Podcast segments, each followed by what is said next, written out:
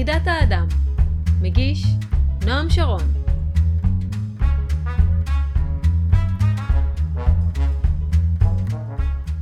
אני נושאת בתוכי שלווה. אני נושאת בתוך עצמי את הכוחות שיחזקוני. עמלא עצמי בחומם של כוחות אלו, אך אדיר עצמי בעוצמת רצוני. ארצה להרגיש כיצד שלווה נוצקת על כל מהותי, כשאת עצמי אחזק באמצעות עוצמת שאיפתי, למצוא בתוכי את השלווה ככוח. חידת האדם, פרק 17, חינוך ובריאות, פרק ב'. ברוכים הבאים לפרק השני והאחרון מתוך הרעיון הכפול שקיימתי עם הרופא האנתרופוסוף דוקטור מירון ברק. אם לא שמעתם את הפרק הראשון, עדיף שתשמעו אותו קודם, אבל אם אתם נוהגים וכבר הקנעתם את האוטו ואתם בנסיעה, אל תיגעו בטלפון. תבינו את הכל גם בלי לשמוע את הפרק הראשון, אתם תוכלו להשלים אותו אחר כך, אולי בנסיעה חזרה. אז מה מחכה לנו היום? נדבר על הקורונה ועל הנזקים האמיתיים שנגרמים לנו ולילדים בגללה. נדבר על הפרעות קשב וריכוז והטיפול בהן ברפואה אנתרופוסופית. נדבר גם על הפרעות חרדה ואיך אפשר להימנע מהם ככל שאפשר דרך חינוך טוב. נדבר על מהות הרפואה האנתרופוסופית, על הצעדים האיטיים אך הבטוחים שהרפואה האנתרופוסופית עושה בהם את דרכה אל הוראת הרפואה הקונבנציונלית, ונסיים במידע על הרופאים האנתרופוסופיים שניתן היום לפגוש בישראל דרך קופות החולים. זהו, שיהיה לכם האזנה ערבה.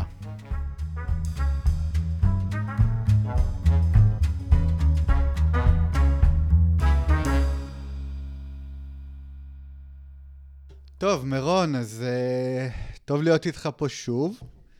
את השיחה הקודמת שלנו עצרנו uh, בנושא של החוסן הנפשי, והזכרנו את זה שבעצם חוסן נפשי או היעדר חוסן נפשי הוא הבסיס שעליו אחר כך uh, מתפתחות הפרעות התפתחותיות, כגון הפרעות קשב וריכוז והפרעות חרדה. אלו שתי תופעות מאוד שכיחות בכלל בחיים שלנו בשנים האחרונות בכלל, ואפשר לומר בשנה האחרונה בפרט, תקופת הקורונה, שאנחנו כבר עוד מעט שנה בתוכה, תקופה שבה גם רמת החרדה הכללית מאוד עולה, וגם באופן ספציפי ילדים מבלים הרבה יותר שעות בתוך הבית מול מסכים. אני מניח שכל נושא הפרעות הקשב וריכוז נמצא בעלייה. חריפה. כן. אז אולי זה המקום לומר כמה מילים דווקא על הסיפה של מה שהזכרת, של תקופ... ימי הקורונה שאנחנו מצויים בתוכה, שאם אני מבין נכון את מה ש... את האלמנט המרכזי שפועל דרך הווירוס הזה של הקורונה, כי אני לא נראה לי שזה הווירוס, שהווירוס עצמו הוא הגורם האמיתי, אלא הוא סוג של מסנג'ר, סוג של שליחים שמבטאים איזשהו כוח גדול יותר, שפועל היום בתוך האנושות. להרגשתי, שם המשחק של המגפה הזאת זה בידוד, הפרדה ופחד. שלושה אלמנטים שחוברים ביחד ולמעשה כשמתוך הניסיון שלי כרופא שעוסק לא מעט בטיפול בתחום של בריאות הנפש אחד הדברים שאני רואה זה שהמגפה האמיתית היא בעצם המגפה בתחום של בריאות הנפש. יש ניפוח עצום ודגש עצום על המגפה הוויראלית אבל יש התעלמות וחוסר התייחסות חסרת פרופורציות לכל התחום של מה שקורה לאותם אנשים שהם סובלים מהפרעות, הפרעות נפשיות. ובין השאר גם זה כמובן גולש לכל אותם ילדים שסובלים מהפרעות קשב ואותם ילדים שסובלים מהפרעות חרדה שכל הסימפטומים האלה רק הולכים ומועצמים בתקופה הזאת. ואנחנו יכולים לראות את זה בכל מיני, מכל מיני כיוונים. קודם כל מהכיוון שאם אנחנו מתייחסים לילדים עם הפרעות קשב, אז אנחנו רואים שהילדים האלה הרבה יותר חשופים למסכים. ואנחנו יודעים שהצפייה במסכים היא אחד הגורמים בכלל להתפתחות של הפרעות קשב ולהעצמה שלהם, להעצמה של הסימפטומים. אנחנו רואים שכל הסיטואציית החיים הזאת של נע בין סגר לפתיחה חלקית של סגר, היא אה, גורמת לאריתמיות בחיים, לחוסר ריתמ, ריתמוסים, חוסר ריתמוסים ביולוגיים שמשפיעים גם על הריתמוסים הנפשיים. אה, הפרעות בריתמוסים של השינה והערות. הילדים הולכים לישון, הרבה מאוד ילדים הולכים לישון הרבה יותר מאוחר וקמים הרבה יותר מאוחר. אנחנו יודעים שככל שהולכים לישון יותר מוקדם, ככה האיכות של השינה היא הרבה יותר טובה. הפרעות בריתמוסים של מערכת העיכול, כן, הילדים, חלק גדול מהילדים אוכלים הרבה יותר, עולים במשקל יותר. יש הרבה פחות פעילות גופנית. פחות פעילות גופנית, פחות זרימת דם למוח. אנחנו יודעים שאצל לא מעט משפחות, וכולנו מכירים את זה בתקופה, בתקופות של הסגר, כשההורים מצד אחד, או שהם לא עובדים ואז הם לחוצים, נמצאים במתחים אה, כלכליים, על רקע כלכלי, או הורים שצריכים לעבוד, אבל בו זמנית גם צריכים אה, להכיל את הילדים בבית. שני, שתי הסיטואציות האלה גורמות להעלאת מפלס המתח במשפחה. ומפלס המתח במשפחות עם ילדים עם הפרעות קשב וריכוז, הם אה, בבסיסם אה, עם מתח מאוד גבוה. כאן אולי חשוב לו, לומר במאמר מוסגר, שהורים לילד שמאובחן וסובל מהפרעת קשב זה הורים שנמצאים בדרגת סיכון גבוהה לגירושים. וואלה. בגלל הסיבה הזאת. זאת אומרת, אני מדבר פה על uh, ממצאים מחקריים, אבל זה מאוד מובן, מכיוון שילד שמצוי בהפרעות קשב, במיוחד כשאחד ההורים גם סובל, ובשליש מהמקרים גם אחד מההורים סובל מהפרעת קשב, כי יש פה קומפוננט גנטי מאוד משמעותי. זה מעלה את מפלס המתח במשפחה. ותשומת הלב של ההורים הרבה פחות מופנית לקשר הבין-אישי, הזוגי שלהם, והרבה יותר להתמודדות עם האי-נוחות שהם חווים מההתנהגות של הילד. זאת אומרת, המתחים במשפחה עולים. חוסר הוודאות הזאת, כן, ש... קיימת אצל ההורים ואי אפשר, אה, הם לא יכולים להתעלם ממנה. האם יש סגר או אין סגר, האם יוצאים מהסגר או יוצאים מהסגר ואחרי כמה ימים נכנסים לסגר. יש פה גם את האלמנט של הלמידה בזום, שהרבה מאוד ילדים היום לומדים דרך הזום או בתנאים וירטואליים. ואצל ילדים עם הפרעות קשב זה גורם להם לביד, לבידוד עוד יותר חזק, מכיוון שהם לא באמת נפגשים, הם לא רואים את, את הם לא מצליחים ליצור את קשר העין עם, עם המחנך ש, שנמצא על המסך. ככה שאנחנו יכולים לראות ממש אה, התמודדות מאוד מאוד לא פשוטה של הילדים האלה בכל שלושת הספרות של, של הנפש. ירידה או פגיעה בכוחות הרצון שלהם, פחות פעילות מוטורית, הפרעות בתחום הרגשי, אין להם אה, את האינטראקציות החברתיות המזינות שיכולות להיות להם, ויש להם הרבה מאוד מתחים שהם אה, חיים בסביבה הרבה יותר מתוחה, רוויית סטרס. ובתחום של החשיבה אנחנו רואים הרבה מאוד את הפיצול של הקשב והמוסכויות שהולכים ובגלל החוסר הריתמיות של החיים שהם נחשפים אליהם עכשיו. יש משהו שאפשר לעשות בסיטואציה כזאת, okay. אוקיי. מבחינת ההורים? Okay. כן. אתגר uh, עצום זה נשמע. זה אתגר עצום להורים, מכיוון שהם הרבה מאוד גם צריכים uh, לעבוד על עצמם בסיטואציות האלה. ויש כמה דברים שאני uh, מרגיש אתגר להורים. אתגר ראשון זה קודם כל אתגר חברתי, לנסות וליצור התארגנויות של הורים, ש... כל יום, אני מדבר על תקופות של סגר, שבכל יום הורה אחר, או שהוא לוקח יום חופש, או שחצי יום חופש, ויוצר איזושהי פעילות לילדים. עם חברים שלהם בעצם. עם חברים, כן. רצוי, ב, רצוי בטבע. אפשר uh, ליצור גם סיטואציות עד כמה שניתן מבחינת המרחק שניתן להתרחק מהבית. תלוי בעוצמת הסגר כמובן. בהגבלות השעה. כן. של לימוד ואינטראקציות חברתיות בטבע, ביער. צריך למצוא, גם עם הורים שנמצ... שחיים בסביבה מאוד, בסביבה שהיא נמצאת בלב העיר, לנסות ולמצוא איזשהו פארק או חורשה שאפשר אה, להגיע לשם וליצור אינטראקציות חברתיות וגם תלוי בגיל, בגילאים של הילד בין לימוד ובין אה, משחקים שונים.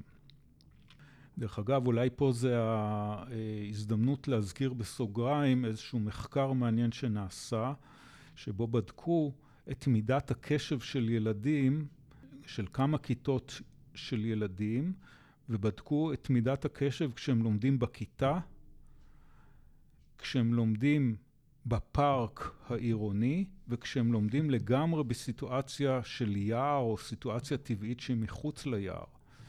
והממצא המעניין הוא ש... ואולי גם המתבקש, שכשהם עברו ללמידה במרחב של, של היער או של סביבה טבעית ממשית, מידת הקשב שלהם הייתה הרבה ביותר. באמת? לא, לא היו הסחות דעת אה, של כל היער מסביב? לא, לא הפריע? אני משער שזה לא היה, שזה לא היה יער עם חיות טרף. בדיוק הדוב לא בא והכחיד אותם, אוקיי. ולא היו נחשים ארסיים אה, מכל עבר. כן. אוקיי, אז אה, זה הקורונה, באמת אתגר אה, לא פשוט, שכמעט כל פרק בפודקאסט אנחנו מנסים לתקוף אותו מזווית אחרת. אוקיי, אתה רוצה להגיד עוד משהו בעניין? כן, יש עוד כמה טיפים שאולי אפשר לאמץ. אחד mm-hmm. הטיפים המשמעותיים הם שלנסות וליצור עד כמה שאפשר זמן נטו של הילד עם אחד מההורים. עד כמה שאפשר ליצור את הזמן נטו הזה של הורה ילד בלבד. אחד על אחד, בלי אחים. אחד על אחד, כן, ורצוי מחוץ לבית, עד כמה שניתן. ובזמן הנטו הזה לנסות וליצור כמה שיותר פעילות של עבודות כפיים, כמו למשל בישול, שזה בישול או אפייה שמן הסתם צריכים לעשות בבית, אבל יכולים להיות גם למשל אה, לבנות מחנה, או ליצור איזושהי פינת נגרות ולעבוד ביחד. לעבוד בגינה. או לעבוד, או, או לעבוד בגינה, לעשות ערוגת ירקות שתהיה של הילד. עכשיו זה זמן, דרך אגב, אה, זמן מצוין לשתול ירקות חורף. לנסות וליצור פעילויות, במיוחד אצל ילדי ילדים עם ADHD ומאובחנים עם ADHD או ADD, לנסות ולבחון את אחת משלושת הפעילויות של שעות הפנאי, כמו גלישת גלים, קיר טיפוס או רכיבה על סוסים, עד כמה שזה מתאפשר בתקופה הזאת. אופניים? אופניים גם מצוין, אבל בעיקר שלושת, ה... שלושת הפעילויות הראשונות שציינתי שהן סוג של פעילויות של אקסטרים, שבהם הילד נאלץ ליצור אינטגרציה בין, ה... בין, ה... בין הפונקציות התכנוניות שבאות ממערכת העצבים, אלא עם הפעילויות המוטוריות שקשורות לגפיים שלו. זאת אומרת, זה אחד הקשיים של ילדים עם הפרעות הקשב, לנסות ולחבר את הכוחות המעצבים שבאים ממערכת העצבים, הכוחות של ההתארגנות, הכוחות של, ה... הכוחות של התכנון, של התפקודים הניהוליים, כמו שאנחנו קוראים להם, עם הפעילות המוטורית שלו. כמה שיותר פעילויות גופניות, כן? מתחשב בעובדה שילדים שבתקופה הזאת הילדים נמנעים אה, מן הסתם מפעילויות מוטוריות.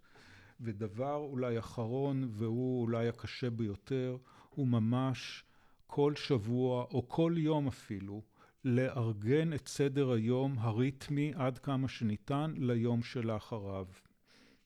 כדי לנסות ובכל זאת ליצור איזשהו, איזושהי רמה של ריתמוס, ריתמוסים בחיים בתוך האווירה האריתמית הזאת. אוקיי. Okay. תודה רבה על העצות האלה. אתה ככה, בלי לשים לב אולי מצידך, ככה קצת חידשת לי על הקשר אה, והתועלת שפעילויות אקסטרימיות, כמו אה, טיפוס צוקים, גלישת גלים אה, וכן הלאה, יכולים לתת ערך מוסף דווקא לילדים שסובלים מקשיי קשב וריכוז. זה היה חדש בשבילי. זה גם מביא אותנו לנושא הבא שלנו, אחד מהבעיות הגדולות של ילדים ובני נוער היום, פועל יוצא של תרבות המסכים שהשתלטה, ואחד מהפרקים המרכזיים בספר שלך, כל הנושא של אה, הפרעות קשב וריכוז, ADD, ADHD. מה יש לגישה האנתרופוסופית לחדש ביחס לזה? אחד החידושים אה, המהותיים זה שהגישה היא שלאחר שהילד מאובחן ברמה הקונבנציונלית עם הפרעת קשב כזו או אחרת, יש היום, אנחנו מבחינים בשלושה וריאנטים באבחון הקונבנציונלי, היא לנסות וליצור את הגישה האינדיבידואלית של הילד. למשל, לזקוף אוזניים לגבי האיכויות והכישורים המיוחדים של הילד. ופה אנחנו יכולים לראות כמה, אנחנו יכולים בעצם לחלק את זה ל... אני, אני, אני יכול לנסות ו, ולסווג את זה לשלושה תחומים שונים. כי יש ילדים, הילדים האלה, נקודת המוצא שלי היא שהילדים האלה יש בהם ייחוד מסוים. כמובן שאני לא מדבר פה על ילדים שחיים בתנאים סוציו-אקונומיים אה, ירודים, כמו ילדים שגדלים בסביבות של פשע ו- וכולי, אלא אני מדבר על ילדים שחיים במשפחות נורמטיביות, שלומדים בבתי ספר רגילים ולא בתי ספר, אולי חלקם גם אה, יכולים ללמוד בבתי ספר לחינוך מיוחד, אבל לא כאלה שסובלים למשל מהפרעות על הרצף האוטיסטי, או לא ילדים עם מוגבלויות ששם צריכה להיות התייחסות הרבה יותר אינדיבידואלית עם מוגבלויות כמו אה, חירשות, עיוורון, נכויות וכולי, שדורשות התייחסויות הרבה יותר אינדיבידואליות. הגישה צריכה להיות, מנקודת המבט שלי, שלכל אחד מהילדים האלה יש איזושהי ייחודיות. כמובן שזה נכון גם לגבי ילדים... לכל ילד. לכל ילד, כן. אבל, במיוח... אבל אצל אותם ילדים שמאובחנים עם הפרעת קשב, דווקא אצלהם המבוגרים, המחנכים, ההורים, להרגשתי, נדרשים למאמץ מיוחד כדי לזהות מה המיוחד אצל הילד הזה, מה הכישורים המיוחדים, מה, לאן פונים כוחות הרצון שלו. מה המתנה שהוא בא להביא. בדיוק. ופה אני יכול לראות שלושה תחומים. תחום אחד הוא תחום הרוחני. שיש אה, היום, אני גם אני וגם אה, מטפלים אחרים אה, שנמצאים, שעובדים בתחום, יודעים לדבר על ילדים שמביאים איכויות רוחניות שלפעמים אנחנו נשארים נדהמים ולא, ו, ולא ממש מבינים מאיפה הם מביאים אותם. למשל, ומסקרן. למשל, חלומות של ילד שהוא מרגיש, שהוא מתאר אותם כחלומות ש... אה, אה, אה, מתבהרים לנו או נראים או נשמעים לנו כחלומות שלא, שקשורים לאינקרנציות הקודמות שלו.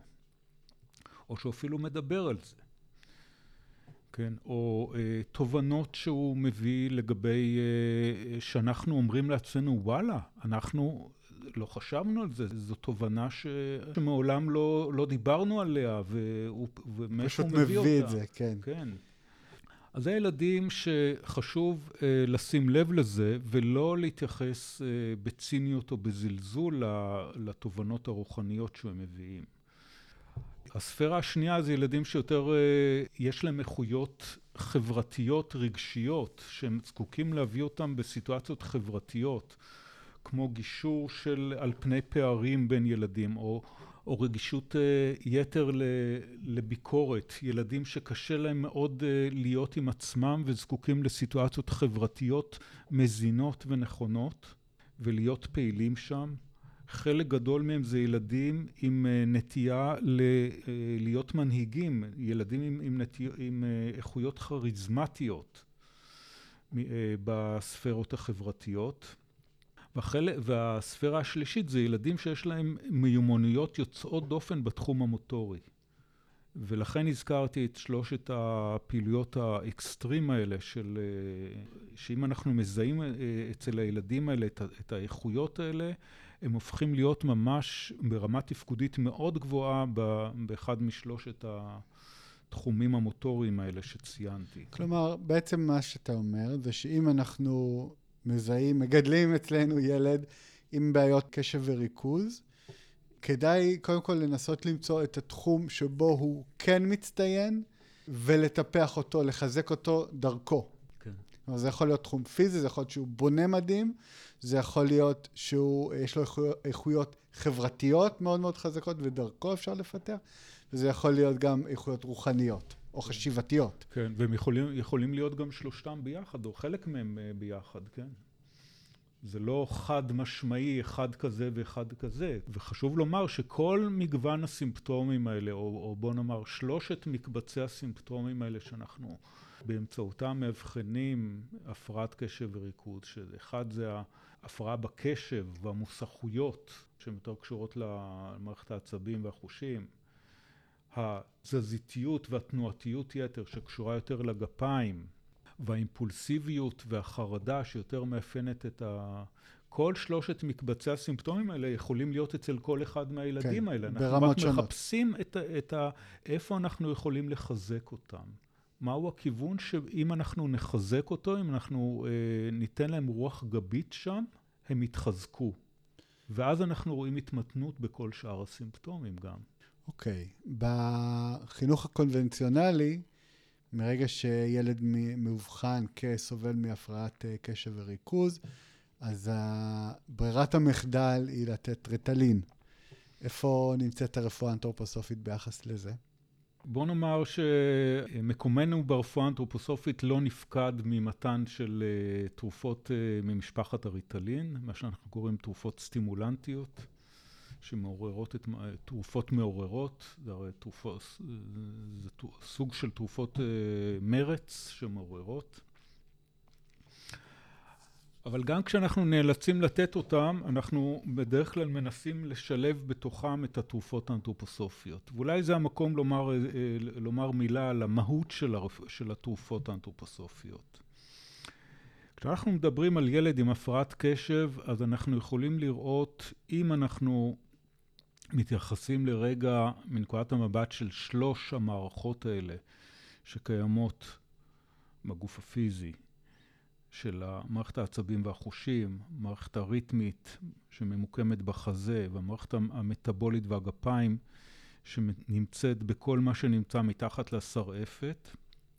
אנחנו יכולים לראות שאצל כל ילד יש, איזושהי, יש איזשהו קושי בהתגשמות אל אחת משלושת המערכות האלה. והתרופות האנתרופוסופיות יכולות להיות מכוונות אל אחת משלושת המערכות האלה. והרציונל של לתת אותם הוא, הוא ליצור שמה היפתחות של הגוף הביולוגי. הגוף הביולוגי, אני מתכוון לגוף הפיזי וכל מערך כוחות החיים שספוג בו, כדי שהמהות הנפשית והרוחית יוכלו להתחבר אליו. נקודת המוצא שלנו ברפואה האנתרופוסופית שהפרעת קשב וריכוז זה הפרעה בהתגשמות של הילד.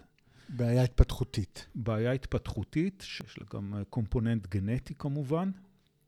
היום מדברים ברפואה הקונבנציונלית על בין 70 ל-80 אחוז שיש שם את המרכיב הגנטי, אבל אפשר גם לומר בהמשך כמה מילים על העובדה הזאת, משהו מעניין. התרופות האנתרופוסופיות אמורות לפתוח את החסימה באחת משלושת המערכות האלה כשאנחנו מזהים, אה, מזהים את הקושי שם או את הליקוי שם, לפתוח את הגוף הפיזי והגוף של כוחות החיים כדי שהמהות הרוחית תוכל להתגשם שם בצורה נכונה.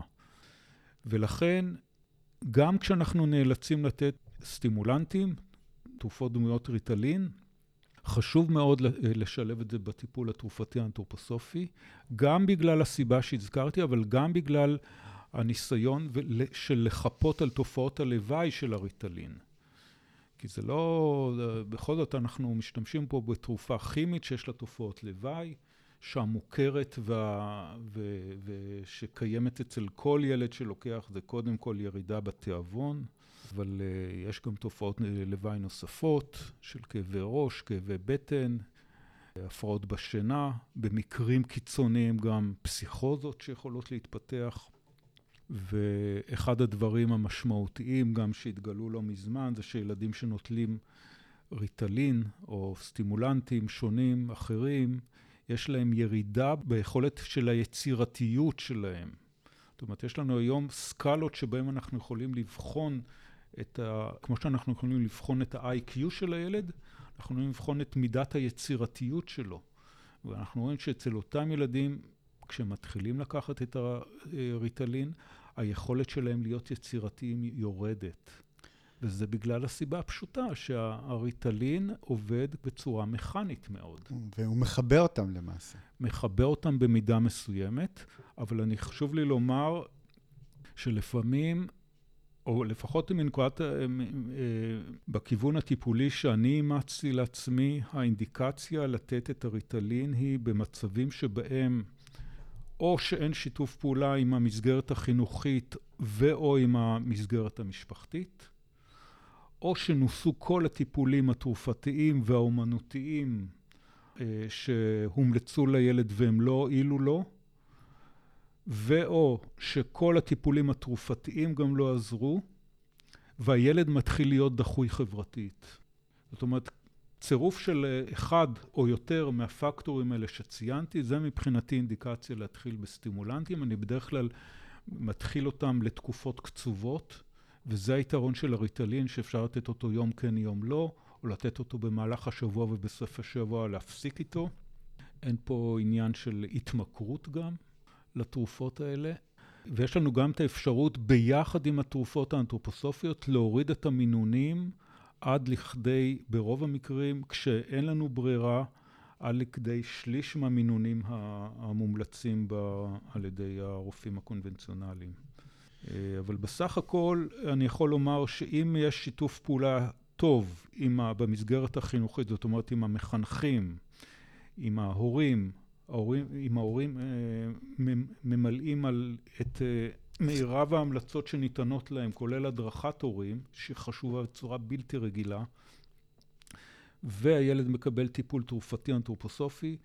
במרבית המקרים, לפחות בשני שליש מהמקרים, אנחנו יכולים אה, להסתדר בלי סטימולנטים, קרי ריטלין. אוקיי, okay, אז אני מקווה שיש פה הורים שההאזנה פה נותנת להם אה, תקווה.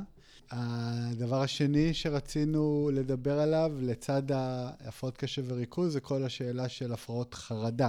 זו גם תופעה שהולכת וצוברת תאוצה בעולם בשנים האחרונות, גם בלי קשר לקורונה, וגם זה, תקן אותי אם אני טועה, מירון, יש בזה השפעה רבה לסביבה שבה אנחנו מגדלים את הילדים שלנו.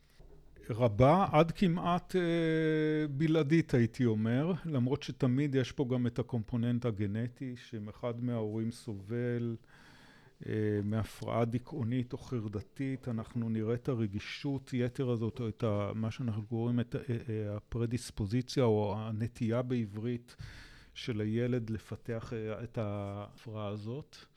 זאת אומרת, יש פה גם קומפוננט גנטי, שאנחנו רואים אותו בתחום של בריאות הנפש.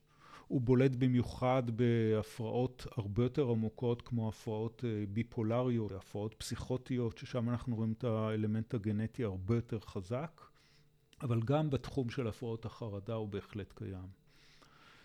אבל כמו שאמרת, ההתנהלות במסגרת המשפחה ובמסגרת החינוכית הם הקרדינליות להתפתחות הפרעות החרדה וגם לטיפול מיטיב איתם כשילד מפתח אותם. ונגענו בזה גם ב...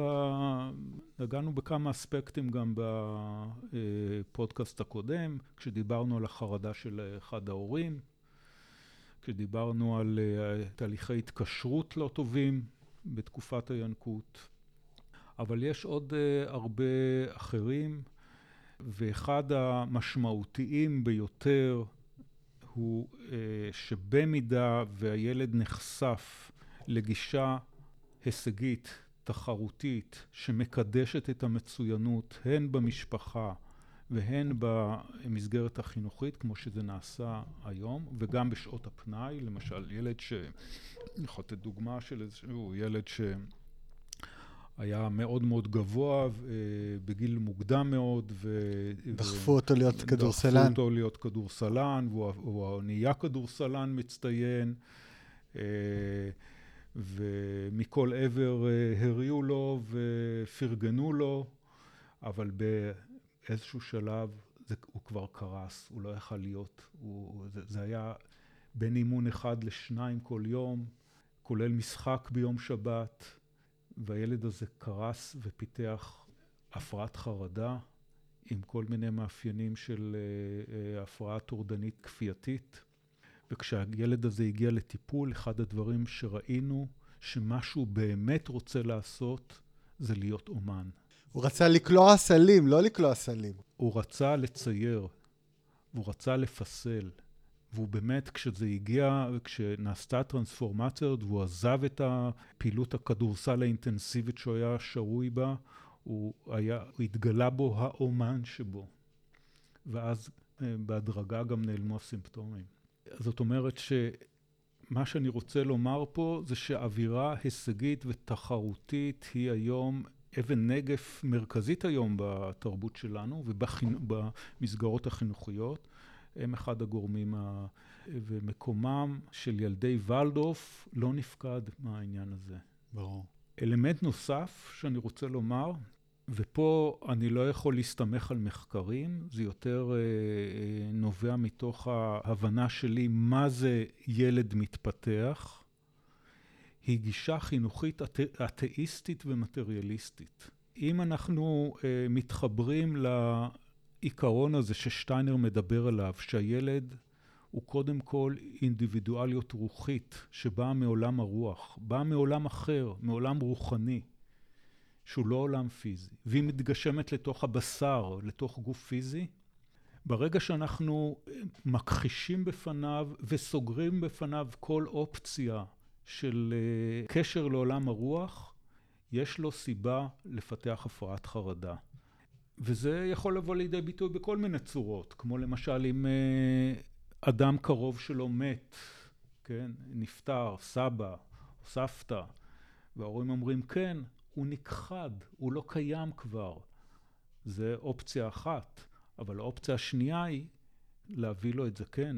הוא היום אה, ממשיך להתקיים בלי גוף פיזי, ולנסות ולהתכוון אליו, אז זה אפשר להביא גם את הצד השני. ויש עוד הרבה, כמובן, אה, סיבות אחרות, כמו למשל, אה, אבל אלה מקרים יותר חריגים, כמו אלימות במשפחה, כן. צול מיני, ניצול רגשי, ילד שמציקים לו, הצקות לילדים זה אחד הגורמים אה, להפרעות חרדה.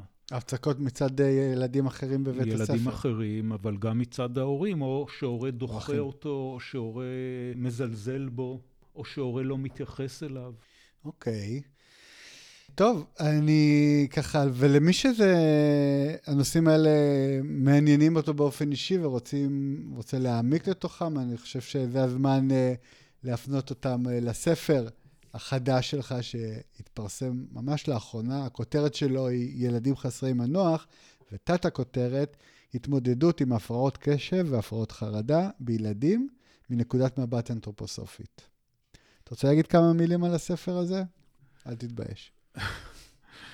אני רוצה לומר שהמוטיבציה לכתוב את הספר הזה נבעה הרבה מאוד מסיטואציות שבהן מצאתי את עצמי חוזר, חוזר ומספר שוב ושוב אה, להורים ולמחנכים ולמטפלים על אה, איך נכון או איך נראה לי נכון להתייחס אה, ולהתמודד עם ילדים עם הפרעות קשב ועם הפרעות חרדה. אבל חשוב לי לומר שאין בספר הזה פתרונות קסם. והמטרה העיקרית שלו היא לנסות ולעורר את כל מי שעסוק מנקודת מבט רוחנית בטיפול ובחינוך של ילדים שסובלים משתי ההפרעות האלה, לעורר אותם בעיקר לשאלות. לעורר אותם לשאלות, מכיוון שאם מתעוררות שאלות להבנתי, זה יכול להוביל גם לתשובות. לתשובות מתוך הפרקטיקה היומיומית של אנשים שמתמוד... של מחנכים ומטפלים שמתמודדים איתם. ולכן זה, זה חשוב לי לומר את זה, שזה לא... הספר הזה שזור בהרבה מאוד עצות פרקטיות כמובן, אבל הוא במידה רבה גם מי שיקרא אותו, הורים שיקראו אותו ומחנכים, אבל בעיקר הורים שיקראו אותו, יכולים אה, להבין איזה אתגרים עומדים בפניהם מבחינת השינוי הפנימי שהם צריכים לעשות בחיים שלהם כדי להיטיב עם הילד. ולכן זה לא, זה במובן מסוים לא ספר ש... זה יכול להיות ספר מעניין, אבל זה גם uh, ספר שיאתגר את מי שקורא אותו. ל... ספר או לעבודה. לפחות זאת הייתה הכוונה שלי, לאתגר את מי שקורא אותו, גם בשאלות וגם בתהליכים פנימיים. אני אזכיר אולי רק שבספר הזה יש גם נספחים. הנספח האחרון שם זה נספח שמדבר על תרגולים של הורים כלפי הילד, תרגולים פנימיים, מנטליים, שההורים יכולים לעשות עם עצמם כדי להיטיב עם הילד. אז זה כמה מילים גם לגבי האתגור של ההורים. ב... כן, בקיצור, זה ספר של עבודה. ההורים אה, שישימו עליו את הידיים, יצטרכו לעשות עבודה, אבל זה בעצם מה שמתבקש בכל מקרה כש... הילד שלך אה, סובל מאיזושהי בעיה התפתחותית, כמו הפרעות קשב וריכוז או הפרעות חרדה. באופן כללי, הורות זאת עבודה קשה, ואני מוצא שבתור, אה, גם בתור אדם שמתעניין בתחום וגם בתור הורה, הספר הזה עבר, עזר לי להבין uh, את התמונה ו, ובאמת uh, ליצור את התנאים הבריאים יותר עבור הילדים שלי, להתפתחות שלהם, שלא יצטרכו להגיע לסיטואציות של באמת אה, בעיות התפתחותיות. בוא עכשיו, אה, אנחנו לקראת סיום, אבל יש עוד כמה נושאים שאנחנו רוצים לעבור עליהם. אותי מאוד אה, אה, סקרן לדעת שבשנה האחרונה, בזמן האחרון, התחלת ללמד בבתי ספר לרפואה קונבנציונלית. כלומר, לא רק, אני ככה, אולי גם זה המקום להגיד שאתה בין האחראים להכשרה של רופאים אנתרופוסופיים בארץ, אבל עכשיו גם לקחת את הידע שלך גם לטכניון ולאוניברסיטה העברית, המקומות שבו מכשירים את מיטב הרופאים בישראל. אז בוא תגיד על זה כמה מילים, אולי גם הזדמנות להגיד משהו על הרפואה האינטגרטיבית בכלל והרפואה האנתרופוסופית בפרט. אוקיי. Okay. אז זהו, זה כבר uh, שנה uh, רביעית שאני, מאז שהתחלתי ללמד בבית הספר uh, לרפואה בטכניון. אני חייב לומר שאני די נדהם בשנים האחרונות לראות איזה פתיחות יש בקרב רופאים קונבנציונליים לחלוטין, מהמנוסים ביותר, לכל התחום הזה של אה, רפואה משלימה או רפואה אינטגרטיבית. אה, וחשוב לי לומר בסוגריים שהרפואה האנתרופוסופית, כמו שאני תופס אותה ומבין אותה, היא, היא האב טיפוס של הרפואה האינטגרטיבית. מכיוון שהאינטגרציה הזאת באה לידי ביטוי בכל מיני רמות, אבל קודם כל ברמה הזו שהתשתית שלה היא הרפואה הקונבנציונלית. ומה שאנחנו מנסים לעשות ברפואה האנתרופוסופית זה להרחיב אותה לאותם רבדים שבהם הרפואה הקונבנציונלית לא נוגעת. כמו למשל למעורבות של המהות הרוחית והנפשית במחלות מסוימות. ולכן זאת לא רפואה אלטרנטיבית. הרפואה האנתרופוסופית היא לא באה להיות אלטרנטיבה לרפואה הקונבנציונלית, היא באה להפרות אותה. היא באה להרחיב אותה באותם מקומות שהיא לא מצליחה להתרחב ושהיא לא יכולה לתת מענה למחלות ולהפרעות אה, שאנחנו פוגשים בעולם הרפואה. זה חשוב להגיד למי שאולי שומע אותנו בפעם הראשונה או לא מכיר את הרפואה האנתרופוסופית, חשוב מאוד לומר, שרופא אנתרופוסוף הוא קודם כל רופא קונבנציונלי MD שסיים שבע שנות רפואה במוסד אקדמי מוכר. אחרי שהוא סיים את אה, לימודי הרפואה שלו, הוא יכול לבחור לעשות התמחות ברפואה אנתרופוסופית. כן. לצד ההתמחות הקונבנציונלית שהוא עושה. כלומר, הוא עושה גם התמחות קונבנציונלית ברפואת ילדים, פנימית או מה שזה לא יהיה, והתמחות ברפואה אנתרופוסופית. כן. אז באמת אנחנו לא יכולים לדבר על הרפואה האנתרופוסופית כרפואה אלטרנטיבית, אלא כרפואה משלימה. רפואה משלימה או אינטגרטיבית. האינטגרציה הנוספת היא האינטגרציה בין הפעילות הרוחנית של האדם החולה. ופה חשוב לי להזכיר שתפיסה בסיסית או נקודת מוצא בסיסית של הרפואה האנתרופוסופית היא שכל מחלה או כל הפרעה היא בעצם הזדמנות להתפתחות רוחנית. זאת אומרת, הזדמנות להגיע ממצב בריאותי מסוים שהיה לפני המחלה למצב בריאותי יותר גבוה ממה שאחרי היציאה מהמחלה, כן? אם אנחנו מסתכלים על, על איזושהי רמה, רמת X, כן, של מצב בריאותי לפני המחלה שבן אדם היה בה, ועד הבן אדם יורד למצב Y, לרמה יותר נמוכה מבחינה בריאותית, ההזדמנות פה היא לעלות לרמה שהיא מעבר לרמה הראשונית שהוא היה בה מבחינה בריאותית. X פלוס 1. סליחה? X פלוס 1. כן. ולכן אנחנו תופסים את זה ככל מחלה, כל הפרעה, מנסים לראות מה ההזדמנות שניצבת שם, ואני מדבר בעיקר על מחלות כרוניות, אני לא מדבר כרגע על מחלות אקוטיות, למרות שזה תקף גם לגביהן. וגם כלפי הרעיון הזה יש פתיחות בפקולטות לרפואה? אני חייב לומר שאני נדהם מזה. איך ששני הדייקנים אה, של, הפ... של הפקולטה לרפואה, אה, אה, פרופסור דינה בן יהודה בירושלים, דואגת ומתמסרת בכל המרץ שלה כדי להכניס את הקורס לרפואה אינטגרטיבית שאני ופרופסור ערן בן אריה מנהלים בבית ספר לרפואה בחיפה. זאת אומרת, יש לנו קורס, אני בית, למעשה מלמד בשני קורסים. קורס אחד זה הפסיכולוגיה לרפואנים בבית ספר לרפואה בחיפה, ששם אני מביא יותר את הגישות הרוחניות ברפואה היום, שזה תחום שהיום מאוד מאוד נחקר. רוחניות לאו דווקא אנתרופוסופיות, כן, יש. אבל למשל אה, גישות כמו אה, אה, של מיינדפולנס, גישות של בודהיסטיות, גישות של הגישה של ויקטור פרנקל וכולי. זה קורס אחד שאני מלמד בו, הקורס השני הוא הקורס לרפואה אינטגרטיבית, שהוא קורס חובה לסטוד, לסטודנטים לרפואה, גם הקורס לפסיכולוגיה הוא חובה.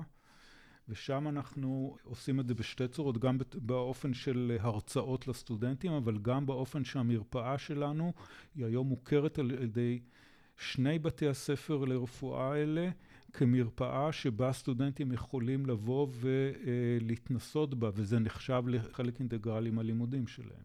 אוקיי, okay, אז אתה מביא אותנו לנושא של המרפאות, וזה עוד צד מאוד חשוב של הרפואה האנתרופוסופית בישראל.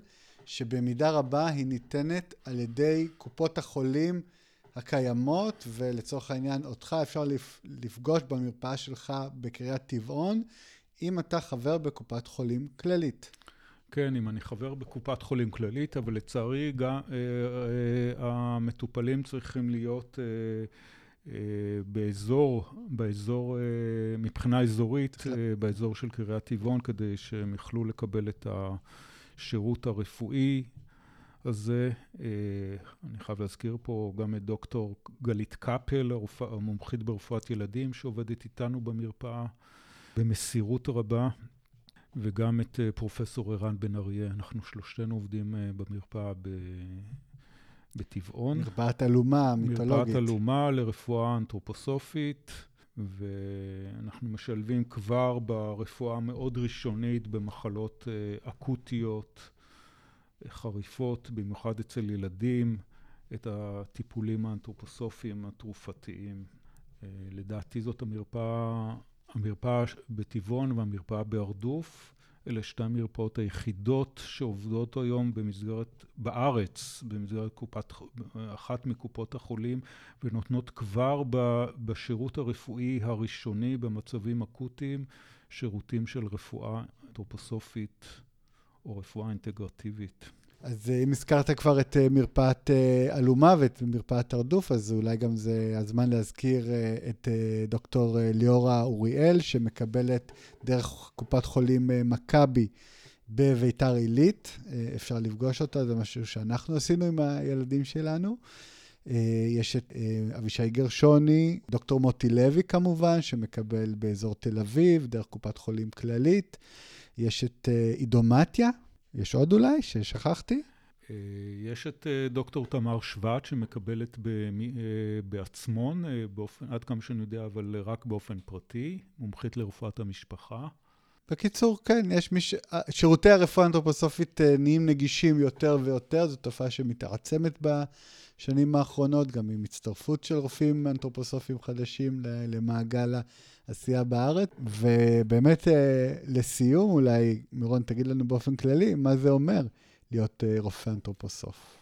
אני יכול לומר מה, אה, כמובן שאין פה כללים אה, אה, שחקוקים בסלע, אבל אני יכול לומר מתוך ההבנה שלי איך אני מבין מה מהות הזאת של להיות רופא שמרחיב את העבודה שלו עם הרפואה האנתרופוסופית. קודם כל אני מרגיש כתנאי בסיסי זה להיות לגמרי מעורה ומעודכן up to date בכל מה שקורה בעולם הרפואה המודרני והקונבנציונלי. כי כמו שהזכרתי כבר, זה התשתית, זאת התשתית של הרפואה האנתרופוסופית.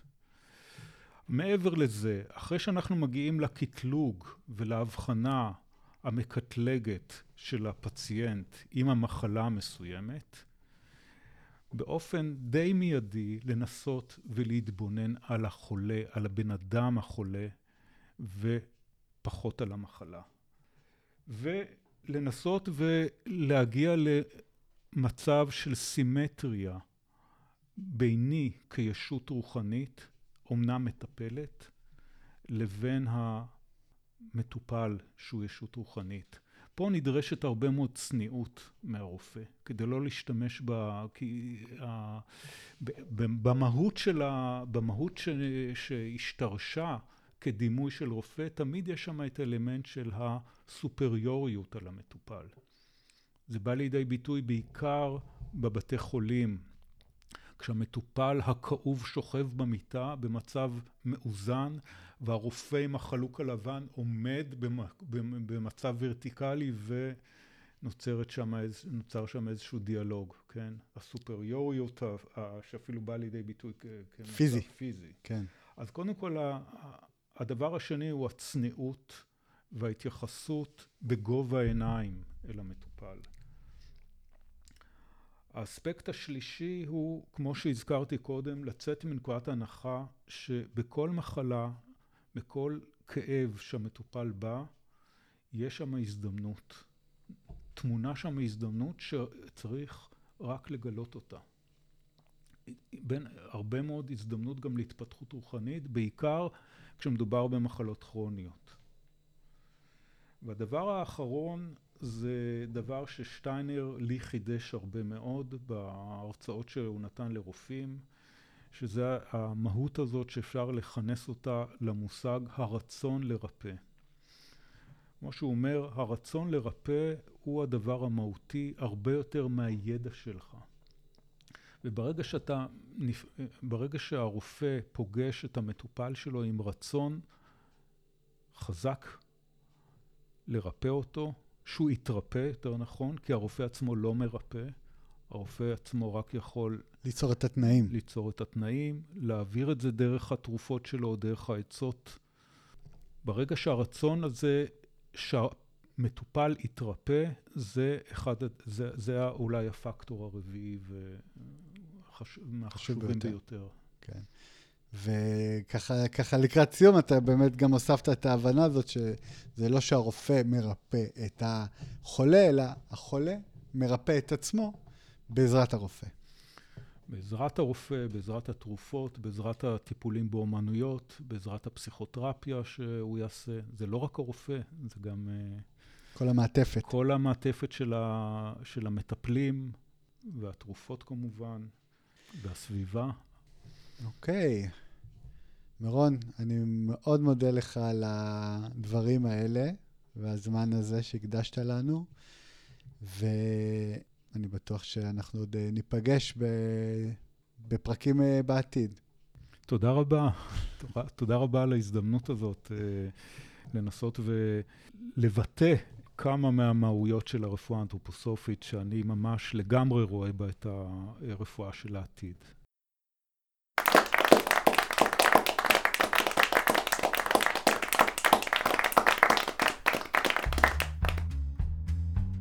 אז שוב תודה למירון, ואני מקווה שהשיחות הללו עזרו לכם לעשות עוד צעד אחד, אפילו קטן, בפתרון חידת האדם. מה קורה בהוצאת אדם עולם? ביום רביעי אנו מתחילים את המבצעים של Black Friday, שיימשכו לפחות עד Cyber Monday. אז אם פספסתם את ההנחות של Shopping IL, היכנסו לאתר אדם צעיר וממשו את זכותכם להנחות של עד 40% על גיליונות עבר, מתנה בעת רכישת מנוי, פטור מדמי משלוח ברכישה כמותית ותיק אדם צעיר מקסים מבד. תודה לכל מי ששולח לי תגובות על הפודקאסט, אם זה במיילים, בהודעות קוליות בוואטסאפ או בתגובות בפייסבוק. כל תגובה כזאת ממש מחממת את הלב. לחידת האדם ניתן להאזין בכל אפליקציות הפודקאסטים המובילות, כולל ספוטיפיי, דיזר, גוגל ואפל פודקאסט. חפשו את השם חידת האדם, פשוט. רוצים לקבל עדכונים על פרקים חדשים? יירשמו בחינם לשירות האיגרת באתר אדם עולם. אוהבים את חידת האדם? רוצים לעזור לנו להגיע לקהלים חדשים? מוזמנים לשתף את הפרקים בקבוצות הוואטסאפ והפייסבוק שלכם ולדרג אותנו בחמש כוכבים באפל ובגוגל. זהו להפעם, נשתמע בפרק הבא של חידת האדם. עד אז, שימו לב.